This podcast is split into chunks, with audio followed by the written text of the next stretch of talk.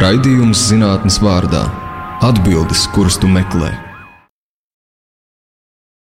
Esiet sveicināti raidījumā zinātnes vārdā. Šodien tiekamies speciāli izlaidumā ar jums kopā ar Ievsiliņu un Ivers Austers. Latvijas lielākā augstākās izglītības iestāde Latvijas Universitāte jau pavisam drīz 1. martā 2010. satversmes apulce ievēlēs jaunu rektoru. Rektora amatam ir izvirzīti divi kandidāti - Signa Bāliņa, kas ir Latvijas Universitātes biznesa vadības un ekonomikas fakultātes profesora un LU rektora padomniece, un Gundars Bērziņš, LU biznesa vadības un ekonomikas fakultātes dekāns un profesors. Latvijas Universitātē rektora amatā kandidātu noslēdzošās publiskās debatas notiks pirmdien, 26. februārī 4.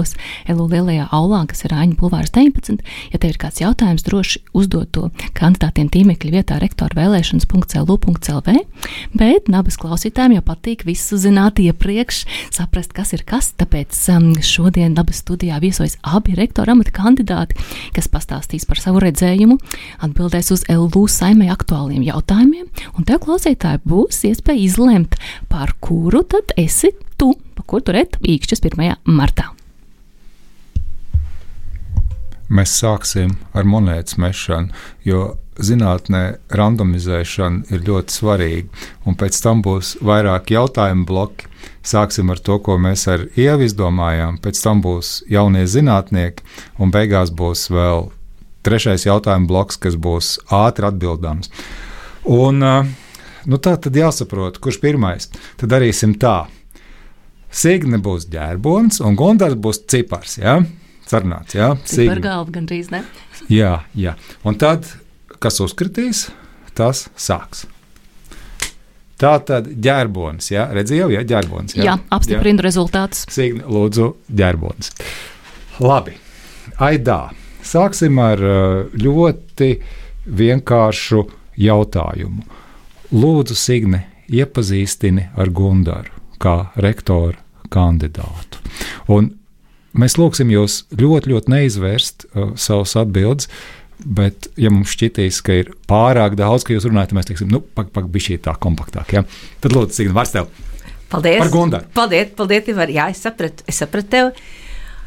Gundars Bērziņš, Latvijas Universitātes profesors, Latvijas Universitātes biznesa un vadības fakultātes dekāns, Latvijas Universitātes rektora kandidāts. Ko jūs zinat, vai ko jūs vēl nezināt par Gundaru? Gundars kopš bērnības nodarbojas ar burāšanu. Tā ir lieta, kas viņam patīk.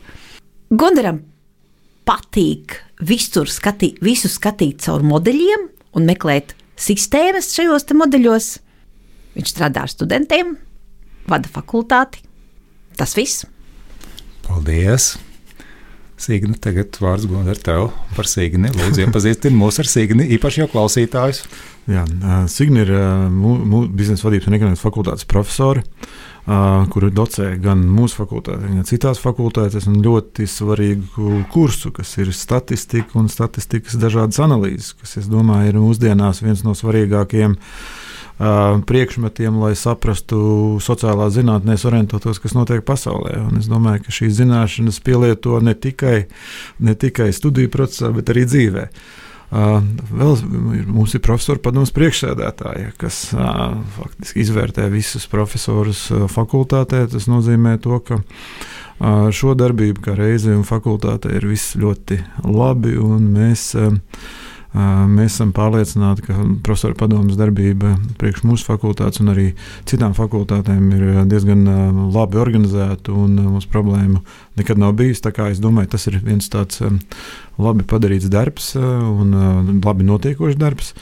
Uh, ko es vēl par Signu varu pateikt? Signai patīk uh, ceļot, uh, slēpot un, un jā, nu, teiksim, vadīt uh, asociāciju, kas ir likta. Un, uh, faktiski tas ir cilvēks, kas uh, IT sektoru pārzina detalizēti, pazīst cilvēkus un īstenībā nodrošina arī diezgan labu organizāciju tieši IT sektora darbībā gan visā Latvijā, gan Latvijas universitātē.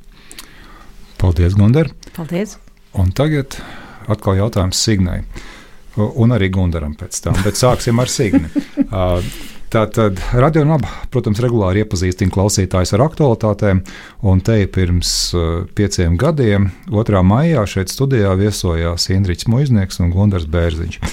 Un, uh, profesors Muiznieks toreiz teica uh, solījuma formā, ka 4-5 gadu laikā Latvijas universitāte būs top 500 universitāšu skaitā. Kas ir nogājis greizi? Jo neesam tur tikuši ko jūs darīt savādāk? Ja? Tad divi jautājumi. Kas ir nogājis greizi un ko jūs darīt savādāk? Ja mēs runājam par top 500 uh, un par iekļūšanu top 500, tad tam top 500 ir vajadzīgas vairākas lietas. Un īstenībā, lai cik tas nebūtu prozaiski, viena no tādām lietām ir finansējums.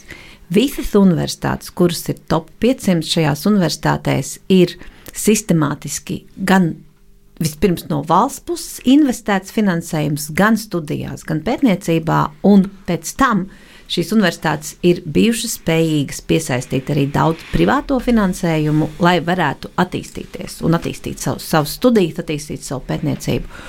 Un, ja mēs paskatāmies uz Latvijas universitāti, tad pēc būtības šīs šī, šis valsts redzējums par to, ka mūsu universitātēm ir jābūt šajā top 500, ir pēdējā laikā aktualizējies. Bet, ja nebūs arī no valsts puses nu, sistemātiskas darbības, tad es baidos, ka ir visai grūti vienai pašai universitātei to izdarīt. Jo kāpēc mums vajag to top 500? Viņu, viņu mums vajag tāpēc, ka, ja, domāju, ja mēs gribam būt laba valsts, labi attīstīta valsts, tad mums ir vajadzīga laba universitāte. Latvijas universitātē ir pilnīgi viss potenciāls tādai būt. Mums jau ir sadarbība ar, ar labām universitātēm pasaulē, un mums vienkārši ir tas iesāktais ceļš jāturpina. Bet es teiktu, jā, tas ir finansējums, idejas mūsu pētniekiem ir. Un vēl viena lieta, kas ir šajā saistībā, tas ir attiecībā par studijām, par starptautiski konkurētspējīgām studijām, jo mums viens no radītājiem, kas tur tiek skatīts, arī ir starptautiskais students, starptautisko studentu īpatsvars, kas mums Latvijas universitātē joprojām ir ļoti zems. Paldies, Signa. Gundar, vārds tev. Nu, es teiktu, ka papildus jau iepriekš minētajām ir ļoti svarīgi ir, to izvirzīt kā ļoti svarīgu uh, rādītāju, jo tie rādītāji ir diezgan objektīvi, kas tiek izmantot, lai mērītu uh, mūsu virzību uz to top 500.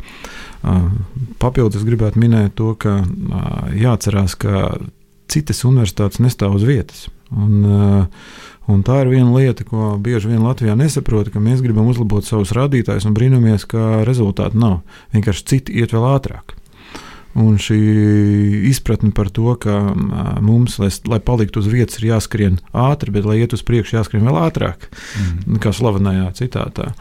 Tad es teiktu, ka stratēģiski tas jāizvirza par um, nosacījumu. Jo to 500 nav pašmērķis. To 500 ir uh, mērījums, kas apliecina kvalitāti.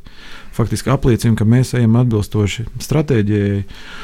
Un stratēģija ir, nu, teiksim, pēc manām domām, Baltijā modernākā klasiskā tipa zinātnes universitāte. Un uh, to 500 tikai apliecinās, vai arī otrādi neapliecinās, ka mēs esam to sasnieguši. Tā kā jāskrien ātrāk nekā citi, tad arī būs rezultāts. Paldies! Nākamais jautājums. Kas ir labākais jūsu konkurentu programmā? Signa, lūdzu, sāc par Gundu. Es teikšu tā, ka šī bija tā reize, kur viss runā par konkurentu programmu, bet īstenībā tas, tas ir redzējums, pēc būtības tas ir redzējums, kādā veidā universitāte var sasniegt savus strateģiskos mērķus. Jo universitātes mērķi ir noteikti, tie ir apstiprināti, tie ir izdiskutēti universitātes saimē, ir apstiprināti padomē, un jautājums ir, kā mēs uz šo mērķi ejam, kā mēs šo mērķi virzamies. Es domāju, ka līdz ar to tās mūsu, tās, tas mūsu redzējums par to ir ļoti daudz mums nav tādu diametrāli pretēju uzskatu par to, nu, kā kaut ko sasniegt un kaut ko, ko darīt. Es domāju, mums ir tās domstarpības, nevis domstarpības, bet mums ir dažādi, varbūt nereti kaut kur dažādi viedokļi, bet mums tādu principiālu atšķirību nav. Un, ja tā vizuāli paskatās, tad Gunteram patika visu salikt bullet pointos. Tas, ko es gribēju darīt, man, es, ja man prasa redzējumu, es sapratu, ir jāraksta stāstījums. Un man šķiet, ka tas ir tas, tā ir tā viena tā svarīgā būtiskā lieta, kas mūs atšķir. Nu, es teiktu tieši to pašu, ka ja, manā programmā varbūt ir, ir tēzes. Pagaid, pagaid, pag, tagad lūdzu par signu. Ja? Bet primāri. primāri tur, ir, tur ir stāsts. Un stāsts citreiz ir svarīgs. Un es domāju, ka tas stāsta, stāsta sadaļa šī konkrētā gadījumā ir. Ir nu, tā pozitīvā ziņa, kas man arī patīk. Jo stāsti stāst ir svarīgi cilvēkiem. Paldies! tagad, tagad pāriesim pie trūkumiem, bet trūkumi ir par sevi. Tā kā lūdzu, Signa, vārds tev, kādi trūkumi ir tavā programmā? Kādi trūkumi ir manā programmā? Tas, ko Gunārs man šodien pateica, ka tas trūkums ir, ka es esmu tāda ļoti vispārīga, kad es esmu vispārīgāka un viņš ir konkrētāks. Man šķiet, ka uh, uz to var divējādi skatīties. Jo, ja tu veido stāstījumu, tad tu veido stāstījumu, un tu, redz, un tu veido šo redzējumu un, un visu to pārējo, kā tu, to, kā tu redzi un skaties.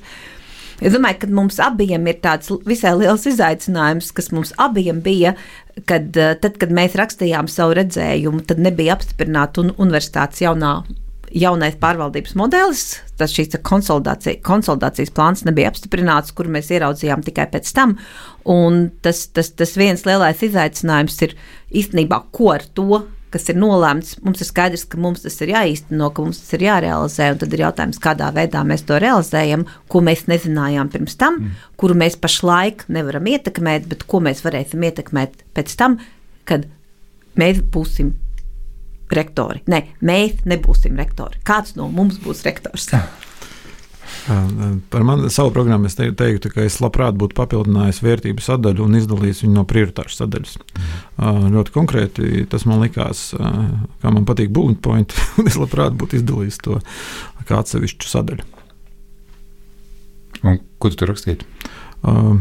Vairāk uzsvērtu tieši šo universitātes vērtību sadaļu, kā teiksim, akadēmiskās brīvības nozīmi, mm. uzsvērtu institucionālās atbildības un institucionālās brīvības un pašnoteikšanās funkcijas. Un šo ideju par to, kā nu, teiksim, decentra, lielāku decentralizāciju nekā, nekā es to esmu izdarījis šī brīža programmā. Paldies! Tā bija pirmās daļas noslēguma Atbilde. Tas gandrīz kā teātris izklausījās. Ir tā, ka mūsu, mūsu studijā bieži viesojas dažādi burvīgi zinātnieki, bet īpaši mēs priecam, priecājamies uzņemt jauno zinātniekus, jo tie ir tie, kas veido mūsu nākotni un lielās inovācijas, un kas, kam vēl viss, viss ir priekšā. Un šoreiz jāsaka ļoti liels paldies Latvijas jauno zinātnieku apvienībai, kuras aktīvie biedri, kas dara daudz brīnišķīgas lietas, par kurām noteikti esat dzirdējuši, ir sagatavojuši mums jautājumus. Jautājumu brīdi nu, ir āķīgi. Um, klausītājs laikam neredz, nu, protams, neredz šeit radio. Mums uz galda stāv atkārtotam izmantojams trauciņš ar salocītiem jautājumiem, kur nevar izpētīt, kas tur ir iekšā. Nu, šoreiz nebūs tā, ka katrs ir savas laimes skalējis, bet savas laimes vai vismaz sava jautājuma vilcējs. Um, Ivar, varbūt mums ir jāuzmet um, atkal tā monēta, lai mēs saprastu, kam jāsāk ar to vilkšanu. Lai būtu atkal ģērbons. Protams, protams. Tā tad uh, ģērbons signēja cipārs Gunaram metam šoreiz ir cipars. Tā Gunteram ir jāsaka, um, bet, uh, lai padarītu lietas vēl sarežģītākas, mēs uzņemsim laiku. Un, uh, tieši tāpat kā politiķiem jāmāk īsi izteikties, tāpat ir arī pasniedzējiem. Protams, tas ir liels talants nonākt uh, auditorijas priekšā un runāt uh, vienkārši pusotru stundu, bet šoreiz limits ir viena minūte, un, ja jūs izteiksieties garāk, būs signāls, kas, tā teikt, pārtrauks šo sarunu. Tāpēc lūdzu koncentrēti, skaidri un tā, lai zinātnieki ir apmierināti. Nu, Gundar, ķeries, ķeries klāt nolasi, un tad es uzņemšu laiku. Tev vajadzēs milzu pulksteni. À, tas būtu laikam labāk redzēt, ka iz, iztek laiks, vai ne? Kādu institucionālu atbalstu sistēmu jūs izveidosiet, lai palīdzētu ERC, apvārsnes Eiropa un citu nozīmīgu gra, grantu projektu pieteikumu rakstītēji? Kādas jums amata, kādas jaunas amatvietas izveidosim. ERC granti, tātad paskaidrošu klausītājiem, varbūt nav no zinātnes vides, ir European Research Council, tie ir nu, paši smalkākie granti, paši lieliskākie, kādi ir dabūnām visā Eiropas ekosistēmā. Mūsu Andris Ambainis tādu ir īstenojis. Tā, sākam laiku. Um, atbalsta sistēma ir um, veidota ļoti precīzi. Tad ir zinātņu prorektors, uh, kas šobrīd nav, bet ir būs zinātņu prorektors, zem kur būs uh, vairākas atbalsta sistēmas izveidotas. Viena no nu, tradicionālajiem mūsu pētījuma virziena atbalstam zinātniskā darba organizācija, bet otra tieši šo atbalsta projektu atbalsta sistēma, kuru es redzu līdzīgi kā mūsu fakultātē, kad tu izmanto pasa, tos cilvēkus, kas jau ir dabūjuši. Tā nekas jauns, bet mēs izmantojam vecos? Ne, mēs izmantojam tos cilvēkus, kas ir dabūjuši šos grantus. Un, ja viņus nepieciešams, tad mēs viņus ņemam tos, kas ir bijuši arī eksperti šo grantu izvērtēšanā un piesaistām viņus Latvijā. Tāda pieredze mums ir. Mūsu fakultātē tādā veidā ir izveid, izveid, izdevies piesaistīt vairākus horizon projektus tieši šādā veidā, ka ir cilvēki, kas to ir darījuši. Viņi strādā, lai uh, faktiski veidotu, veidotu un atbalstītu uh, zinātniekus tieši uh, šo projektu sagatavošanā. Paldies! Signa vēl savu laimi! Kā veicināt paudžu nomaiņu Latvijas universitātē, kā atbalstīsiet jaunos zinātniekus un jaunos mācību spēkus? Sākam! Paudžu nomaiņa Latvijas universitātē tiešām ir svarīgs un būtisks jautājums, un kā to veicināt. Viens ir tas, ka jātiek plānoti šie doktorantūras un postdoktorantūras granti, un tā ir lieta, kas ir jāstiprina. Otrs, kas manā uzturē ir ļoti svarīgs, kā piesaistīt tiešām jaunos mācību spēkus, kur grib, gribētu un varētu strādāt. Un šeit man ir bijušas sarunas ar nozari, kur mēs redzam, ar nozarēm, kur mēs redzam, ka bū, tā, tā, tā sistēma varētu būt tāda, ka šis jaunais mācību spēks, viņš ir arī tādā pašā laikā, viņš arī darbojas kādā no nozarēm, kādā no uzņēmumiem. Uzņēmums ir tas, kas viņu līdzfinansē. Jo tajā brīdī, kad tu esi profesors, ar tavu atalgojumu ir vairāk vai mazāk viss kārtībā, bet tajā brīdī, kad tu esi lektors, Tur tavs nav. atalgojums Jā. ir, tavs atalgojums ir, es atvainojos, nereti zemāks kā skolas skolotājiem. Un tā ir sistēma, kur mums ir jādomā, kā to darīt. Skolās ir iespējamā misija, arī universitātēs ir jābūt šai iespējamai misijai. Tiešām liels prieks to dzirdēt, jo tā ir ļoti, ļoti liela problēma. Paldies! Munder. Jā, Signē komplimenti par fantastisku iekļaušanos laikā. Paldies!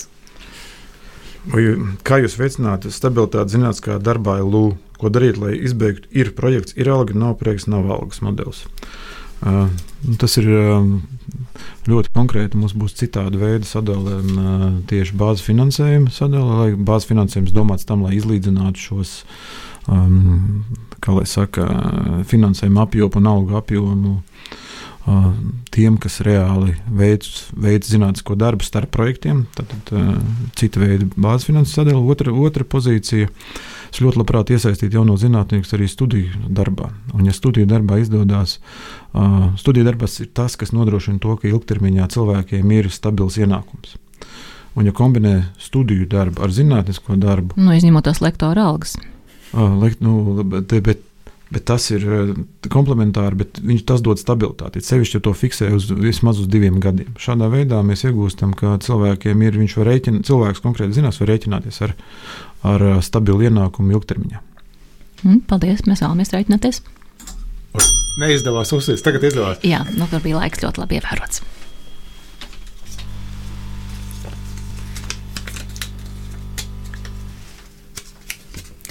Kāda ir jūsu nostāja pret seksuāli vardarbīgiem darbiniekiem Latvijas universitātes struktūrā? Ko plānojat darīt, lai mazinātu vardarbības riskus LO ekosistēmā kur jūsuprāt ir robeža, pie kuras sadarbība ar darbinieku vairs nav iespējama.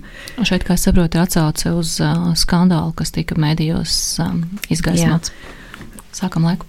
Seksuāla vardarbībai, seksuāla vardarbībai, seksuāla vardarbība nav savienojama ar Latvijas universitātu, nav savienojama ar Latvijas universitātes darbību un akadēmisko brīvību un to etiku, kādai ir jābūt Latvijas universitātei. Jautājums, ko darīt?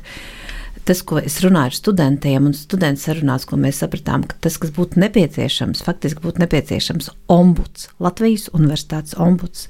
Jo tie nav jautājumi, kas tieši skar etikas komisiju vai šķīrēties, tie ir pilnīgi citi jautājumi. Tie ir jautājumi par cilvēktiesībām, tie ir jautājumi par uzvedības kultūru, un būtu jābūt šim neatkarīgam ombudam, kurš šos jautājumus skata un skata viņus pēc būtības.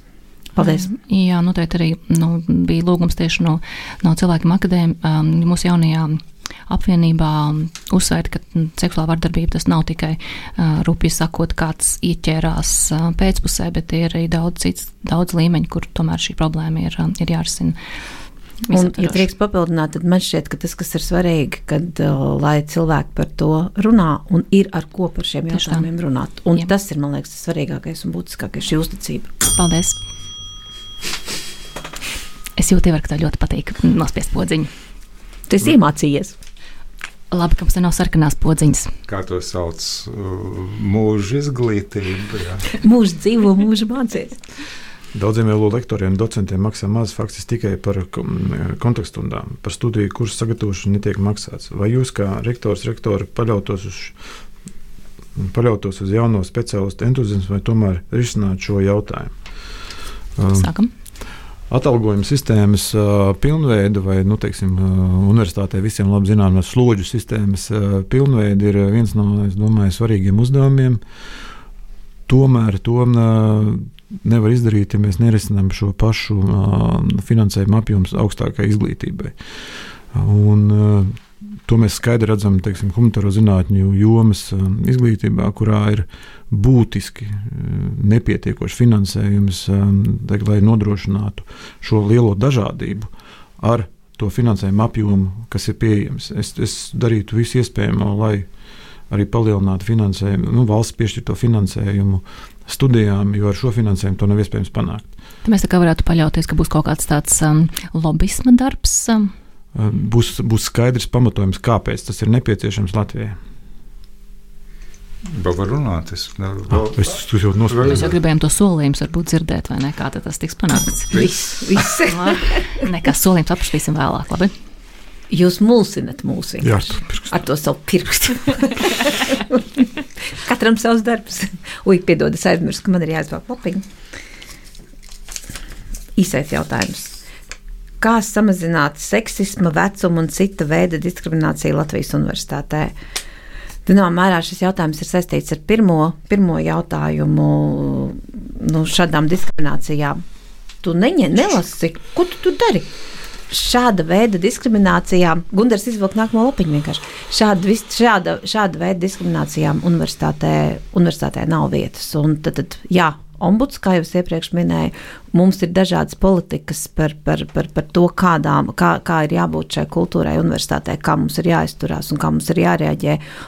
Mums ir jādara viss, lai tie visi labie, lai tādas labās lietas, kas mums ir pēc būt, ir ieviestas pilnā apjomā visur universitātē. Jo, ja šādi jautājumi rodas, tas nozīmē, ka kaut kur problēmas ir un kāds varbūt baidās par šīm problēmām runāt. Bet tās bailes nedrīkst būt. Un tas ir tas, ko es arī aicinu studentus vienmēr runāt par tām, ja ir kāda problēma situācija, nākam, runājam, jo ja mēs nerunājam un mēs nesakām, tad neviens nevar saprast, ka šī problēma ir. Hm, paldies!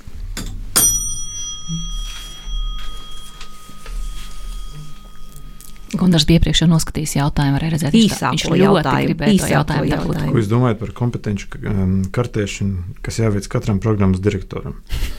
Sākam! Uh, es teiktu, ka um, sistēma, kas ir ieviesta, kurā mēs uh, veicam šo kartēšanas procedūru, uh, pēc manām domām ir normāla procedūra, kurā mēs varam saprast, kādu pievienoto vērtību mēs programmā sniedzam un struktūrētā veidā to arī parādām. Man liekas, ka tas ir noderīgi noderīgi, lai programma kopumā varētu būt tāda, kāda tai ir nepieciešama. Par ko es gribētu papildināt, ka programmu direktoriem ir daudz nopietnāk, nopietnāk uzdevums ir daudz nopietnāks nekā mēs šobrīd. Mēs nevaram nevar būt programmu direktoriem uh, alga 150 eiro. Uh, slodzē iekļaut. Tas ir pilnīgi absurdi pie tā darba apjoma un ko mēs no viņiem sagaidām sagaidām no uh, šīs kartēšanas, ko mēs sagaidām. Es teiktu, labāk veicam labu kartēšanu un normāli maksājam cilvēkiem. Paldies! Nu, labi. Jūs ļoti labi iekļaujaties. Tagad ir tikai- intuitīvi. Jums ir pilnīgi sajūta, izveidojusies, cik gara ir viena minūte. Vai, Tagad- vai arī jums ir nu, telefons priekšā, varbūt arī tā ir. Tagad Vai ir. arī nozīmē, nenotiks Latvijas universitātē, nesanāks kaut kas, tad vienmēr laika ziņas televīzijā ir īstā karjera. Paldies, paldies. Tur vairāk minūtu dod laiku. Ko jūs, kā jaunais rektors, rektori darītu, lai stiprinātu LU ētikas komisijas darbu? Kā nodrošināt Signē, kaut kādi pie- ētiskie Man kaut kā viss ļoti jautājumi. ētisks cilvēks. Kā nodrošināt atbildības pieprasīšanu arī no amatpersonām augstos amatos un izvairītos no rangā zemākā stāvošā vainošanas? Sākam! Es domāju, ka ētikas komisijas darbs un ētikas komisijas stiprināšana tā ir ļoti būtiska un ļoti svarīga. Un jautājums, ko darīt, lai stiprinātu ētikas komisiju, ja es nemaldos, tad bija ilgs laiks, kad ētikas komisija, darbība ētikas komisijā bija tā kā, nu, tā kā daudz kas, ko mēs brīvprātīgi darām un pildām. Un pēc būtības arī par šo darbu ētikas komisijā, par, par darbību šajās sēdēs ir jāsaņem atalgojums. Un, un tas, ja es nemaldos, jau tiek darīts. Un ētikas komisijai ir tas um, uzdevums pēc būtības izskatīt tos ētikas dabas jautājumus, kādi tur tiek skatīti un kādi tiek izskatīti. Es nezinu, vai mums tiešām ir tāda praksa, ka tiek, stā, tiek uh, vainoti rangā zemāk stāvošie. Man tādas pieredzes nav bijis, ja, bet katram ir jāatbild par to, ko viņš dara. Nu, vēl nebūs zvans, vēl var parunāt. Bet mēs varam pie nākamā Mēs varam pieiet pie nākamā. Nu, jāsaka, diemžēl šāda pieredze ir cilvēki, kuriem ir šāda pieredze, tādēļ arī šāds, šāds jautājums. Nu, dodies, ka izdotos to atrisināt. Kas raksturo LUK organizācijas kultūru, kādu atzīmi jūs to novērtējat desmit baļu sistēmā? Kā jūs to mainīt, lai atzīme būtu augstāka? Aha, laikam kādam likās, ka desmit nebūs, Gundar.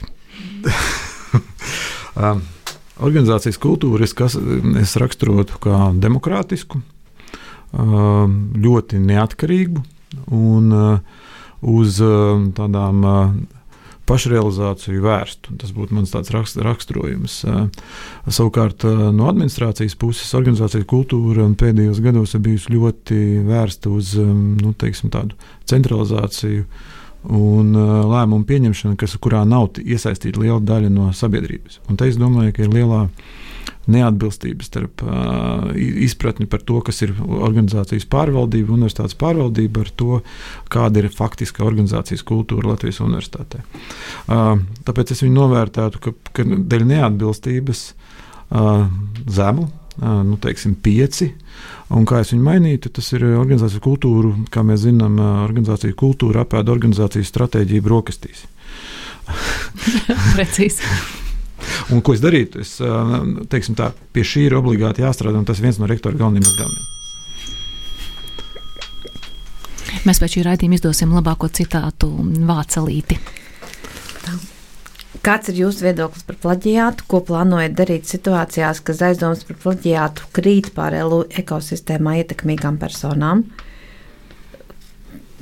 Cīņa pret plaģiātu ir, es domāju, ka viens no, viens no tā ir viena no tādām pamatvērtībām, kas ir, Lat kas ir universitātē, kas ir vispār zinātniskajā sabiedrībā, un plaģiātam nav vietas Latvijas universitātē. Jautājums, ko darīt, ja ir aizdomas, nu, ja šīs aizdomas ir, tad gadījumā tā situācija ir jāpārbauda un ir jāsaprot, ir šis plaģiāts vai nav. Mēs zinām cinkmaņu lietu un, daudz, un teiksim, visu to, kas pašlaik ap to notiek apkārt. Ja? Tad, ja tas plaģiāts ir, tad viņš ir un tad tas ir jāatzīst. Ja tā plaģiāta nav, tad tas plaģiāts nav. Viss. Bet tas bija 20 sekundes ātrāk, kas uzsita pa zvanu. Vienkārši, lai Nu, saprastu, tad ka jāiet tālāk. Nē, nu, man izties, ka tu esi pa- pastāstījis. Paldies. Paldies tev! Tas bija tā kā akcents tā. Amen. Amen! Kādas konkrētas darbības veiksiet, lai veicinātu zinātnisko institūtu izcilību? Kāds būs atbalsts zinātnē, kas nedublēs IZM, LZP atbalsta struktūras un nacionālos kontaktpunktus? Zinātnisko institūciju atbalstam, kā jau teicu, ir jāveido skaidra, skaidra atbalsta sistēma, kurās ir iesaistīti cilvēki, kas zina šos nosacījumus un faktiski pārbauda pirms iesnieguma projektus, kā es vislabāk gribētu, ka pirms, pirms iesnieguma tiek pārbaudīti projekti. Mūsu zinātniekiem ir lielas zināšanas uzrakstīt saturiski, bet šīs kā pareizi noformulēt tos uzdevumus, kas atbilst konkrētās programmas prasībām. Šis šo vislabāk var izdarīt tieši speciālisti, kas ir tur piedalījušies. Es veidotu šo atbalstu sistēmu no no speciālistiem no ārzemēm. Un otra lieta, ko es noteikti darītu, radītu sistēmu, kas Latvijas universitāte bija iepriekš, kas nodrošināja to, ka par uh, projektu, projektu rakstīšanu un pieteikumu rakstīšanu uh, tiek uh, tā, tā tiek atalgota. atalgota. Jā. Man vairs nav izvēles iespējas. Tāds brīdis, laikam, katram kādreiz pienāk. Arvien biežāk diskusijās dzirdams, kad universitātes, universitātes vēlas pa palielināt publikāciju skaitu, kas jāizstrādā doktorantam, lai pabeigtu doktorantu. Doktorantūra visdrīzāk šeit ir domāts, vai jūs atbalstāt šādu pieeju, kam tieši palīdz kvantitāte zinātniskajā darbā? Zinātniskajā darbā man šķiet ir svarīga kvalitāte. Ir svarīga kvalitāte, un kvantitāte ir pēc tam, tikai tad, ir šī kvalitāte. Un, ja mēs runājam par, par tām, tām zinātniskajām publikācijām, kas ir vajadzīgas doktorantam, tad pēc manā rīcībā esošas informācijas tie noteikumi nav mainījušies. Tas, kas varbūt reizēm notiek, ir šajās padomēs, kad sagaida vairāk, bet ir definēts tas, tas apjoms, kam ir jābūt. Man šķiet, ka tas, kas ir būtiski un uz ko ir jāskatās, lai šīs publikācijas būtu kvalitatīvas, lai viņas būtu tad, tad obli, noteikts nosacījums, lai viņas būtu tajās citētajās datubāzēs, Scopus vai Science vai citās jomās ir citas datubāzes arī, ja, lai viņas būtu tur, lai tās publikācijas būtu šajā starptautiskajā zinātniskajā vidē. Un, Un tas ir tas noteicošais un svarīgākais par šo kvantitāti. Jo tas, ka tev ir 20 publikācijas uh, divu vai trīs gadu, trīs gadu laikā, tas varbūt neko labu īstenībā par tevi neliecina. Nu, prieks to dzirdēt. Precīzi. Paldies par atbildēm uz jauno zinātnieku jautājumiem. Paldies jaunajiem zinātniekiem. Un paldies jaunajiem zinātniekiem par āķīgiem jautājumiem. Mums ir ekspresa jautājuma sesija tagad. Un, uh, Tā tad jautājums būs īss, bet jūs varat īsu pamatojumu sniegt ne tikai jā, nē, bet nu, 20 sekundes šajā gadījumā. Tas ir jānobļaujas, jā, nē, lai mēs zinām, ko, jā, kur, jā, ko jūs pamatojat ar saviem vēl, argumentiem. Jā, cerams, ka ka cerams, ka atbildes būs ļoti dažādas, lai mēs varam salīdzināt, vai ne? Kurš ir kurš? Jā, bet kurš sāk? Bet arī Pat pie vienādām atbildēm var būt. Kurš sāk? Mēs metam obligāti monētu. monētu Man jau ir, kur ir. Jā. Tā. Tātad cipars ir Gundars. Un šajā gadījumā Signe sāks. Protams. Uh, nu, tāpēc kārtas. Signe, Gundars, Signe. Īstenībā šis, šis ir iestrādāts. Mēs jau te trenējāmies Protams. diezgan ilgi, vai ne? ilgi mācījies, lai to varbūtības jā, jā, jā, sevišķi Signe tev kā varbūtības jā. Uh, pasniedzēja. Uh, labi, sākam. Uh, kas svarīgāk? Cilvēku resursi vai infrastruktūra? Abi. Tāda varianta nav. Tāda varianta nav. Tādā gadījumā cilvēku resursi. Kāpēc? Kāpēc, kāpēc bez cilvēkiem mums nebūs, kas to infrastruktūru izmanto? Gundar? Pilnīgi piekrītu. Cilvēki primāri un infrastruktūra sekundāri. Nākamais jautājums. Kvalitāte vai kvantitāte? Kvalitāte. Pamatojums. Bez kvalitātes nevar būt nekāda kvantitāte. Citreiz arī kvantitāte ir svarīga, sevišķi projektu pieteikumos, jo no varbūtības teorijas tieši tā arī ir. Ja vairāk mēģinās, vairāk varbūtība, ka dabūs. Bet kvalitāte noteikti arī svarīga. Projekta pieteikuma vienīgais? Kvalitāte svarīga visur. Vai ir jāatsakās no darba stundu uzskaits tabelēm? Es teiktu, jā, bet tas nav iespējams, jo tā ir Latvijas likumdošana. Ah, projekta nosacījumi paredz, ka no tabelēm, tabelēm ir jā, nu, teiksim, stundu skaits tabelēm ir jābūt, un, un mūsu liekas, IT sistēma tieši to arī pieprasa. Bet nevar kaut kā noautomatizēt. Es esmu kaut ko dzirdējis, kaut kāds mākslīgais intelekts esot un vēl. Automātiskais pildīt. Es, es gribētu teikt, ka mūsu fakultātē ir mākslīgais, īstenībā tas ir dabīgais intelekts, un tā ir mūsu izpildirektora. uh, vai ir jāveido jauni zinātnes administratoru tīkli? jauni zinātnes administratoru tīkli? Tā kuram jāatbild? Man ir Signa sāk. jāatbild. Administratoru tīkli. Vai ir jau kārtībā ar šo sadarbību, vai ir jāveido kāda sadarbības tīkla, ka mēs tomēr šīs Ah, informācijas vairāk tīkli, iegūstam? Jo man, man apmulsināja tas vārds administratoru tīkli. Es domāju, ka, satīklojam. es domāju, ka noteikti jā.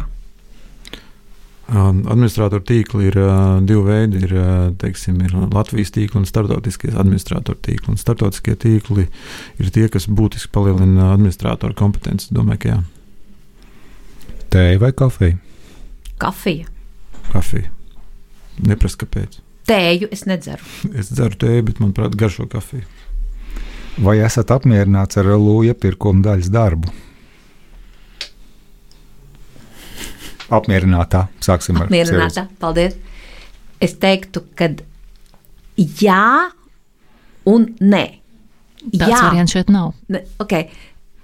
Tas, kas notiek ar mūsu iepirkuma daļu, mūsu iepirkuma daļā ir absolūti nepietiekama kapacitāte. Pie tā apjoma, kas ir nepieciešams Latvijas universitātei, kapacitāte nav pietiekama. Un tā būtu mana, t- t- t- t- t- tam risinājumam, kam ir jābūt, ir jāstiprina šī iepirkuma daļa. Nē, un uh, tur trūkst uh, sadarbības mehānismus ar tiem cilvēkiem, kas reāli realizē šos, kuriem, ku, priekš, dēļ kuriem vai priekš kuriem tiek veikts šī iepirkuma. Un šis sadarbības modelis ir jāpilnveido. Kaķi vai suņi? Kaķi. Suņi. Iezīmēs. Kā ar tevi var? Man, man kaķi. Man arī bet, kaķi, bet man suņi arī ļoti patīk. Man arī suņi ļoti patīk. Suņi arī ļoti patīk. Man teikt, bet, es no bērnības baidos no suņiem. Man nekad neviens suns nav iekods, bet man ir bailes no suņiem. Jā. Vai Latvijas universitātes organizācijas kultūra ir optimāla? Nu, Drusku jau iznācām pieskarties, bet uh, tagad var. Jā, tā tad kas? Atbilde ir nē. Es domāju, ka uh, visi tie jautājumi, kas bija, kur, uz kuriem es atbildēju, viņi liecina par to, ka ar kultūru mums kaut kas nav kārtībā un ka mums nav kārtībā ar to savstarpējo uzticēšanos. Un tad, kad es studēju, man teica, man Aristotelē, mēs visi esam kolēģi, un nereti mums šī kolēģialitātes sajūta kaut kur pazūd. Es, es, organizācijas kultūra um, um, var patikt vai nepatikt. Viņa ir kāda ir. Jautājums ir, kā mēs viņu pilnveidojam. Rezultātā es esmu par to, ka viņi jāpilnveido. Nu, tad ņemot vērā, ka tie lika pieci kā atzīme, tad droši vien, ka vajadzētu jā, būt nē šajā vietā. Šī daļa ir noslēgusies. Mums tagad ir noslēguma jautājumi Monēta. palikuši. Monēta. Un tagad būs garāki izvērsumi. To, ko mēs gaidīsim, tas nebūs vienkārši jauna monēta. Un šajā gadījumā, protams, ka mēs esam pietiekami labi trenējušies. Mēs, kā, kāda ir varbūtība četros gadījumos pēc kārtas metot monētu, uzmest ģērbons cipars, ģērbons cipars? Ha! Tas laikam pierāda mūsu, ist, mūsu izcilo profesionalitāti. Jā, ļoti vienkārši. viens 16. kas to nezina. Um, Es gribēju teikt, viens ceturtajā. Un Pirmais jautājums, ko mēs vēlamies noskaidrot no jums abiem, ir trīs grāmatas, kuras ir visvairāk iespaidojušas jūsu domāšanu. Un Klausītājs sagatavojiet zīmolīšu, lai varētu pierakstīt tā teikt, listi šim gadam, ko izlasīt. Sitharta, Hesas Sitharta man ļoti patika. un, ā, Bērnībā es izlasīju liekas, visus Dimā un, un Žilus Vērnus, ā, bet ā, pēdējā laikā, teiks, nu, tie, teiksim, ā, Grafs Monte Cristo man bija viens no bērnības tādiem, bet pēdējā laikā grāmata Green Lights, ā, vai nu, zaļā, kas bija ā, tāds dzīves stāsts. Ļoti iespaidīga grāmata. Var arī drusku izvērst. Tieši kādā veidā, jo man Man vispār ļoti patīk tās, tās pirmās atbildes. Tas nebūtu tas, ko varētu gaidīt. Nu, patīk, kādā nozīmē, negaidītības nozīmē, vai ne? Kādā veidā tās tev iespaidoja. Bet tā kā Monte Cristo ir indēšanas pam, pamata likšana, es tā mazliet jūtos. Uh, Monte Cristo viņa, uh, man ļoti patīk piedzīvojuma romāni. Un tieši piedzīvojuma romāni tur bija visus pēc kārtas. Es viņus lasīju, un fantastiski. Bet Grāfs Monte Cristo bija. Uh, Grāmata ir saistīta ar to periodu. Es mācīju, ka man bija kaut kādi deviņi gadi apmēram tajā vecumā, un es viņu vēl ar vienu atceros. Varbūt tāpēc vienkārši bērnī, bērnības iespēja par to grāmatu bija. Kas man, kas savukārt tas green lights vai zaļā, zaļā, zaļā gaisma, tas mans lielākais iespējas no šīs grāmatas ir par to, ka cik sarežģīti pieņemt lēmumus visas dzīves garumā. Un šī grāmata ir tieši par to, kā tu pieņem lēmumus katrā no saviem dzīves posmiem. Un, un kā, piemēram, pavadīt gadu kā pavadīt gadu um, nu, teiksim, Austrālijā, būt, esot par mhm. skolnieku. Un kā izdzīvot pilnīgi teiksim, netradicionālos apstākļos, uh, un uh, kā atteikties no pel, pel, peļņu nesošiem projektiem par labu idejai, kas tev, kuru tu pārstāvi. Um, manā izpratnē, no tādiem sevišķi jauniešiem, šis būtu viena no grāmatām, kura um, tev pavērtu skatu uz dzīvi daudz citādāk. Pēc šādas recenzijas man gribās iegādāties kārtīgo grāmatu. Signa, kādas trīs grāmatas? Jā, ja mēs runājam par bērnību, tad man tā bija Astrīda Lindgrēna un Brālīts un Karlsons. Iedomu draugs, draudzība, piedzīvojumi, darbības, Bulciņas. ko mēs darām kopā. Jā, un Boks Jaunkundze ar savām maidītēm. Tad, kas, kas, ko man ir visu mūžu ļoti paticis lasīt, ir detektīvu romāni.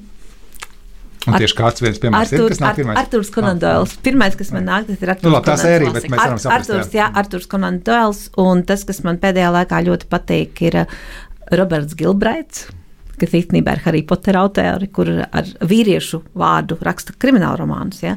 Pēdējais, ko es lasīju, bija Piķmēnā sirds.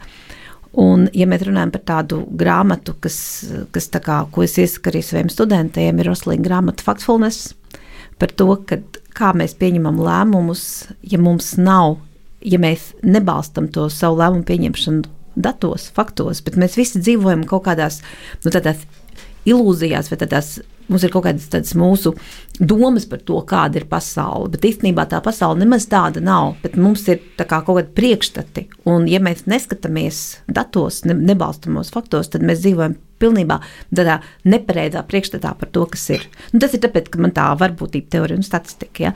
Bet arī otrs ir arī tas, ka tad, kad mums šie dati ir, kā mēs pareizi izdarām par to secinājumus. Un tā ir grāmata, jā, ko, ko man patīk pāršķirstīt, pārlasīt. Un, uh, Es neesmu tā, kas ļoti lasa autobiogrāfijas, bet Steve Jobs autobiogrāfija ir, ir viena bet no tagad, tām grāmatām. Tā, tā jau piektā, var sakot, ko tagad stāstīt. Mums jau saraksts veidojās. Piedod, viss, viss klusē. Nē, nē, bet, bet, bet, bet, nē, bet Steve Jobs autobiogrāfija, ja par to, kā viņš veidoja Apple, kā viņš pēc tam atgriezās Apple, kādi tie bija principi, kā viņš to biznesu veidoja. Tā ir grāmata, kuru, tad, kad es lasu studentiem uh, kursu vai krājumu vadībā vai operāciju pētīšanā, es vienmēr saku, šito paņemat izlasat, ja, jo tur jūs sapratīsiet, kā jūs savu biznesu varat veidot, principus redzēt. Ja. Man liekas, ka viena no lietām, kas būtu jau skolā jāmāca, ir varbūtība teorija, jo tā jau ir pamatā visai mūsu dzīvē. Jo ātrāk tu to saproti, jo veiksmīgāk tev ir šeit šajā pasaulē dzīvot. Bet jautājums, ar ko Latvijas universitāte atšķiras no citām universitātēm Latvijā un pasaulē? Ar dažādību. Latvijas universitāte ir raksturīga ļoti liela dažādība, vairāk kā 150 programmas un ļoti daudz dažādu grādu. Ja, piemēram, ņemam tehnisko universitāti, gan arī visi, visi, visas izglītības beidzās ar inženieru kvalifikāciju.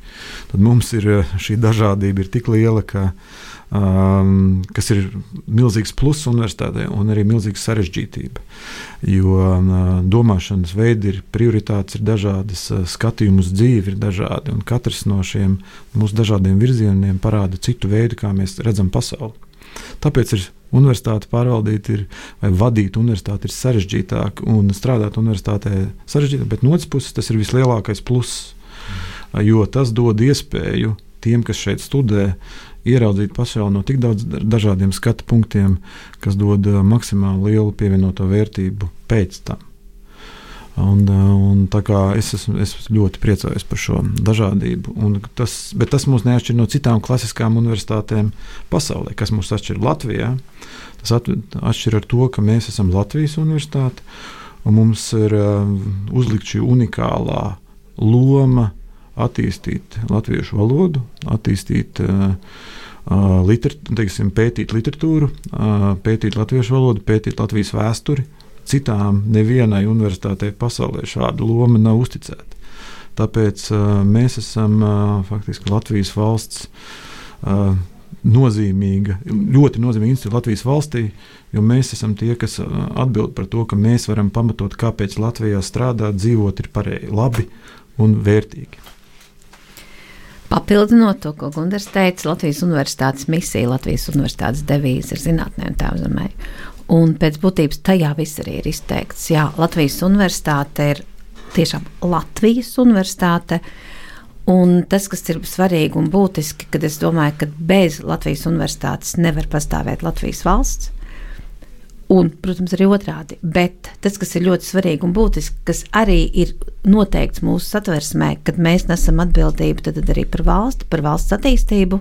Tā ir vēl viena Latvijas universitātes misija, un šī situācijā vēl vairāk kā jebkad mēs esam tie, kuriem ir jādomā un jā, jā, jāstiprina valsts drošība.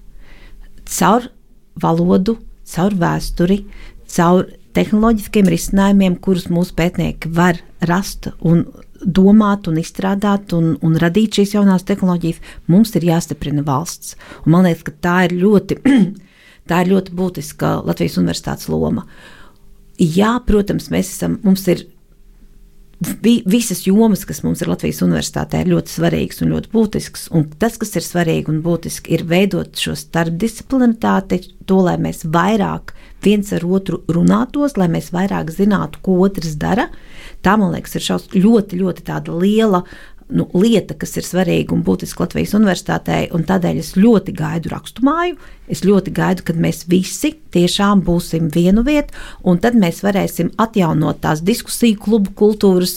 Manā uztverē es gribētu tādu Hyde Park corner ideju attīstīt arī, kad mēs vairāk uzzinātu viens par otru, un tad, ja mēs vairāk zinām viens par otru, mēs saprotam, kā mēs varam savā starpā sadarboties. Paldies! Jāsaka, mēs arī ļoti gaidām rakstu māju, jo arī radio naba plāno pārvākties. Un es, es gribētu jūs redzēt tur nu, pa vidu kaut kur, lai jūs, lai, lai, lai jūs skanētu. Tā jau tas paredzēts. Ir. Tā var tas būt. Uh, tā ir jābūt. Tā jābūt. Ko darīsiet, lai nebūtu jāveic bezjēdzīgs darbs rakstot papīra kalnus? Uh, Tas ir ļoti konkrēti darbība, kas saistīta ar um, procesu analīzi. Visu, tā, pārskatīt visus administratīvos procesus Latvijas Universitātē viena no birokrātijas mazināšanas stratēģijām. Un uh, pārskatīt pēc diviem, diviem principiem, uh, pēc efektivitātes un liederības, vai vispār ir liederīga šī procedūra. Es domāju, ka mēs ātri vien atradīsim to, ka uh, vesela rinda procedūru uh, ir ļoti efektīvas, bet principā pilnīgi nevajadzīgas. Šito sīkāk jāapskaidro. Nu, teiksim, tā, tu vari ļoti efektīvi darīt, darīt darbu, kas nevienam nav vajadzīgs. Tas tā kā bullshit job, jā? Nu, teiksim, jā, tu vari ļoti precīzi, piemēram, vadīt šo raidījumu, bet uh, viņš var būt pilnīgi neinteresants. Okay. Piedod, piedod par šo tādu. Vēl, vēl rupjāk, neviens tev neklausās. jā, jā un, bet, eh, bet ko es to gribu teikt? Mēs šādā veidā, mēs, mums ir ļoti daudz dažādas administratīvas procedūras, kas vēsturiski ir izveidojušās, kuras šobrīd, eh, šobrīd mēs cītīgi pildām un ļoti precīzi reģistrējam visos žurnālos, bet eh, paši esam sen pazaudējuši jēgu, kāpēc mēs viņu kādreiz ieviešuši. Un viens no tiem piemēriem, piemēriem ir eh, nu, piemēram, eksaminācijas rezultātu apstiprināšana.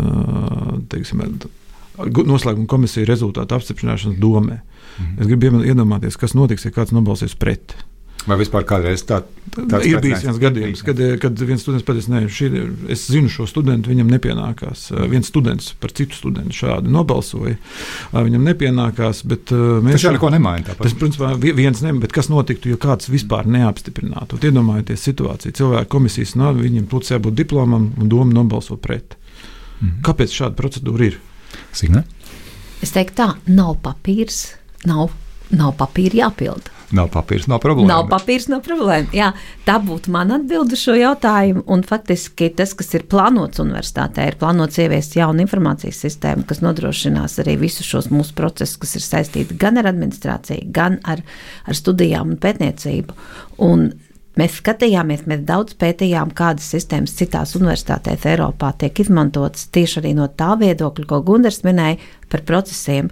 Jo, ja ir kaut kādas procesas, ko neviena pasaules sistēma neatbalsta, tad varbūt nav jāsaka, ka kādam tas ir jāpieprogrammē klāt, bet problēma ir mūsu procesos. Un faktiski es domāju, ka nākamie gadi universitātē būs pārmaiņu laiks arī no šī viedokļa, jo mēs caur šīm jaunajām sistēmām, kur mēs esam nodefinējuši, kam ir kāda. Nu, Kādiem rezultātiem ir jābūt, mēs pēc būtības pārņemsim arī labāko pasaules praksi, kā organizēt to darbu. Man ir papildu jautājums pie šā.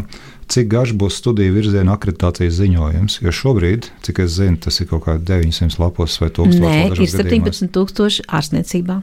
Vēl labāk. Uh, tas ir pilnīgs, pilnīgs es teikšu, godīgi ārprāts, kas mums jā, jātaisa tieši akreditācijas procesa rezultāts. Būtiski, es būt, domāju, ka būtu jāpārskata. Ir jāpārskata arī pašnovērtējuma ziņojumi, kurus mēs katru gadu radām.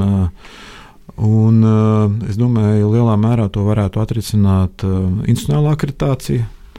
Ja uh, mēs ļoti aktīvi strādāsim, lai institucionāla akreditāciju realizētu saprātīgi. Jo nesaprātīgs rezultāts. Tā, tas nozīmē, ka visu universitāti uzreiz akreditē, visas programmas, jā, jā visu studiju virzienā. Jā, bet pagājušajā gadā universitāti. universitāti un ah, universitāti nu tālāk nu jā, nu jā, iekšēji. iekšēji nu akre, ir iekšējais akreditācijas process, kas var būt daudz efektīvāks.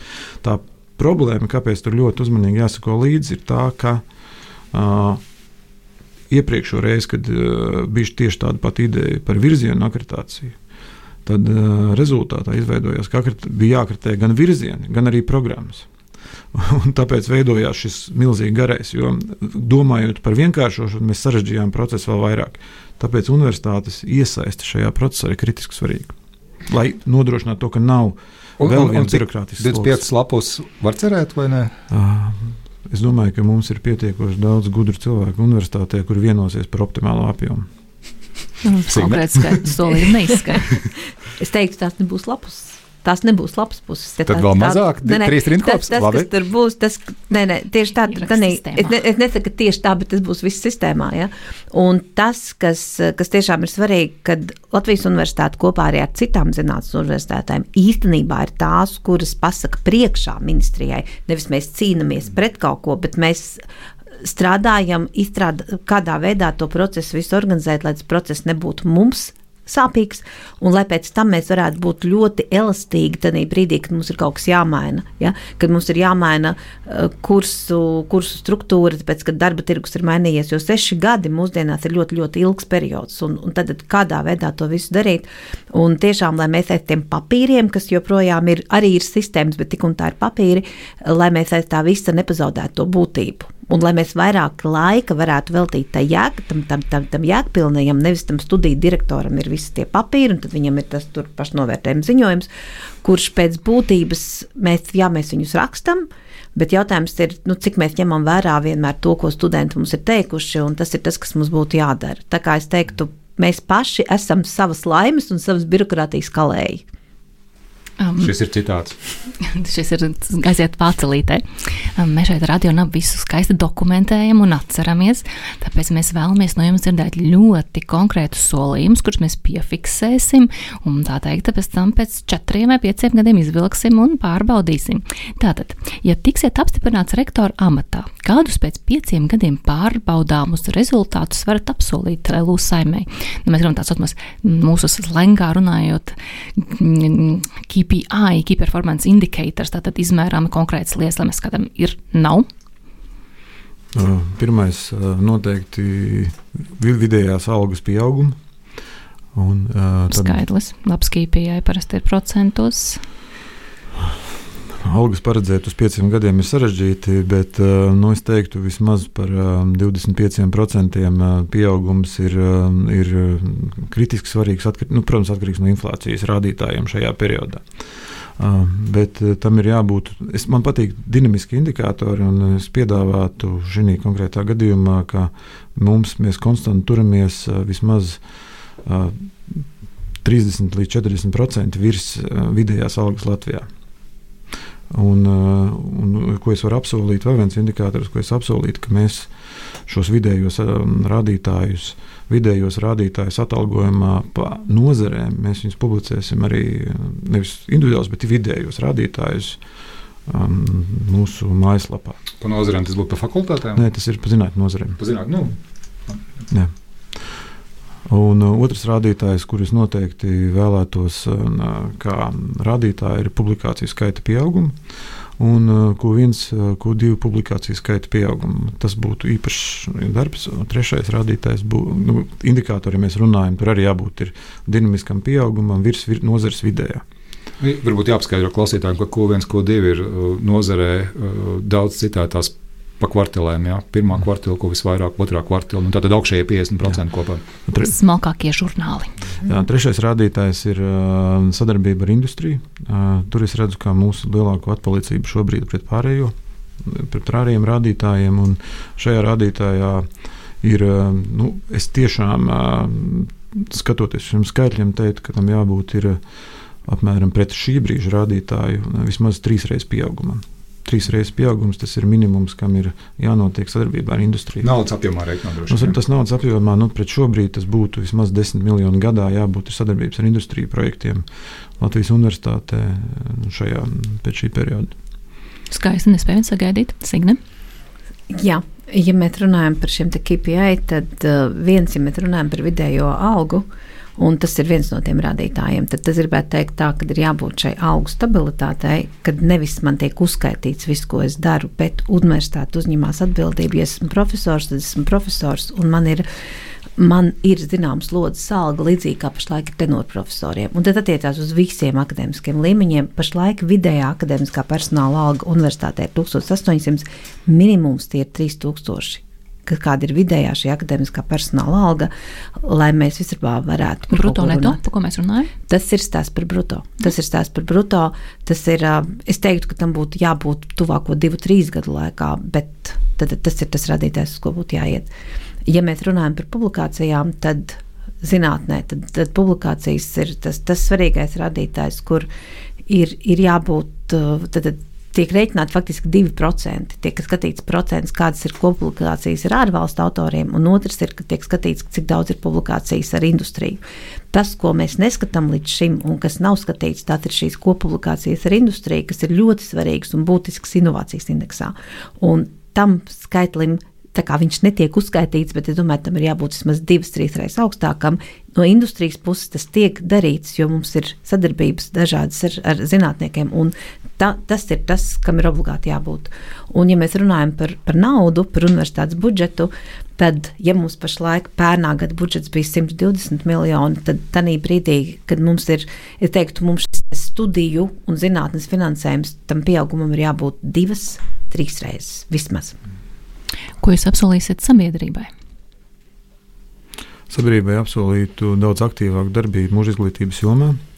Viens, jo mūža izglītība ir viena no Latvijas universitātes tādām pamatfunkcijām, un es domāju, ka Latvijai tā ir kritiski nepieciešama šajā periodā, kur tehnoloģijas attīstās, industrijas attīstās un ir nepieciešama pāri izglītība. Otra lieta, ko apsolīt sabiedrībai, ir, ir teiksim, tā, lai Latvijas universitāte daudzās nozarēs kļūst par viedokļu līderiem, kur būtu viena institūcija, kur paļautos uz viedokli, kaut kam, kam var uzticēties. Šajā milzīgā informācijas plūsmā ir jābūt institūcijai, uz kuru var paļauties un teikt, jā, tā ir objektīva informācija, un uh, pie tā ir ļoti nopietni jāstrādā.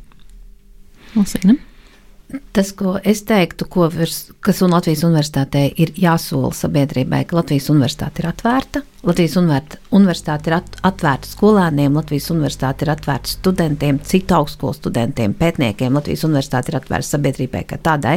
Tās ir diskusijas universitātē. Es redzu Raņa bulvāru kā lielisku kameru mūzikas un koru mūzikas un enerģiju mūzikas vietu. Tad, tad atvērtība arī uzņēmējiem, inovācijām, visam pārējiem.